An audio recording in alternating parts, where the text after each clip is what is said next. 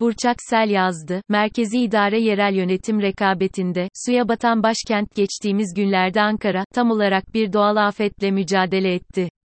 Başkent oluşundan beri belki de sıralamaya girecek bir yoğunlukta sağanak yağmura maruz kaldı. Bayındır ve altyapıya ilişkin herhangi bir problemin akla gelmeyeceği ayrancı gibi merkezi semtlerinden, zaten kimi problemler yaşandığını bildiğimiz Akyurt gibi çevre ilçelerine kadar suya battı diyebiliriz başkent. Bu görüntülerin bir kısmı anlık olup alt edilse de bazılarında kalıcı hasarlara neden olacak sonuçlar ortaya çıktı. Buraya yazmaktan utanç duyacağımız şeyler oldu hatta, başkentte yaşanan sel felaketi 3 insanın hayatına mal oldu. Bir ülkenin başkenti, kentsel gelişkinlik olarak oranın en ileri yeridir. Ya da öyle olması beklenir. Nitekim Ankara, kurtuluş mücadelesinde, Anadolu'nun stratejik noktası olmasının büyük katkısıyla yeni devletin başkenti seçilmişti.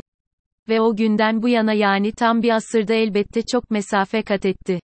O tarihte uzaktan bakıldığında şimdiki Orta Anadolu yerleşkelerinden bir farkı olmasa da başkentlik mertebesi onu koca bir metropol yapabildi. Sadece kilit bir yerde olmasıyla değil, bayındır, imar, altyapı gibi bir metropolün sakinini arz etmesi gereken pek çok yönüyle de zaman içinde ülkemizdeki en gelişkin kentlerinden birisi oldu. Kimi tartışmalara göre şehirsel nizamıyla zaten ilk sırada olan Ankara, bürokrasinin merkezinde konuşlanışıyla da pek çok şehirden avantajlıydı. Örneğin olağanüstü bir durum zuhur ettiğinde, diğer şehirlere kıyasla, buraya yapılacak olan ilk müdahale daha hızlı ve etkin olabilecekti. Ancak bu son dediğimiz kurgu, son tecrübesi bakımından Ankara'da tutmadı ne yazık ki.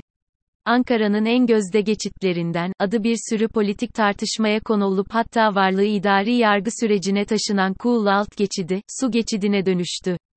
Burada adını saymakla bitiremeyeceğimiz mahallelerin yollarında bir sürü araç, Venedik'in sandallarını andırıyordu ironikçe. Hatırlarsak sosyal medya başta olmak üzere basına yansıyan karelerin çoğunda her sakin, kendi göbeğini kesercesine sel afeti karşısında önlemini almaya çalıştı.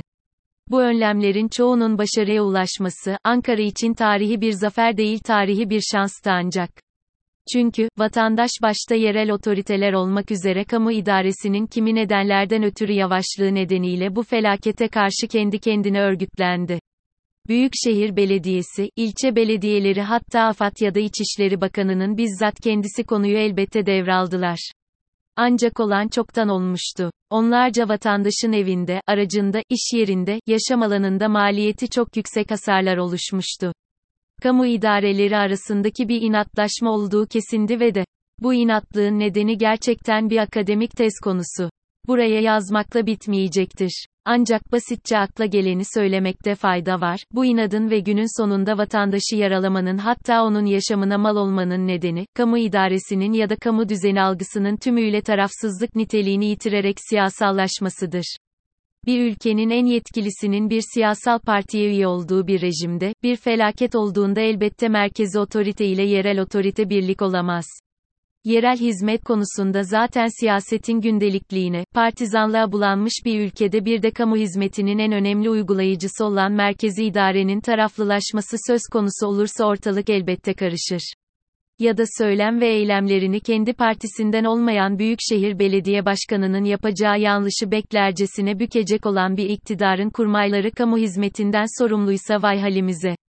Gördüğümüz gibi, kendisinden önce çeyrek asırda bir başkentin ufkunun daraltılması için elinden geleni yapan ve anladığımız kadarıyla imarına da pek bir şey yapmamış diğer yerel yöneticiye sıra gelmedi bile. Ona sıra gelse, onun bu enkazının üzerine bir şey koyamamış yeni yönetime verip veriştirirdik. Ama neyleyelim ki, bu subjektif bağlamda adil olmanın bir gereği şimdilik bunları bir rafa kaldırmaktır. Ama rafa kaldırmak sadece, sıra elbet oraya da gelecektir.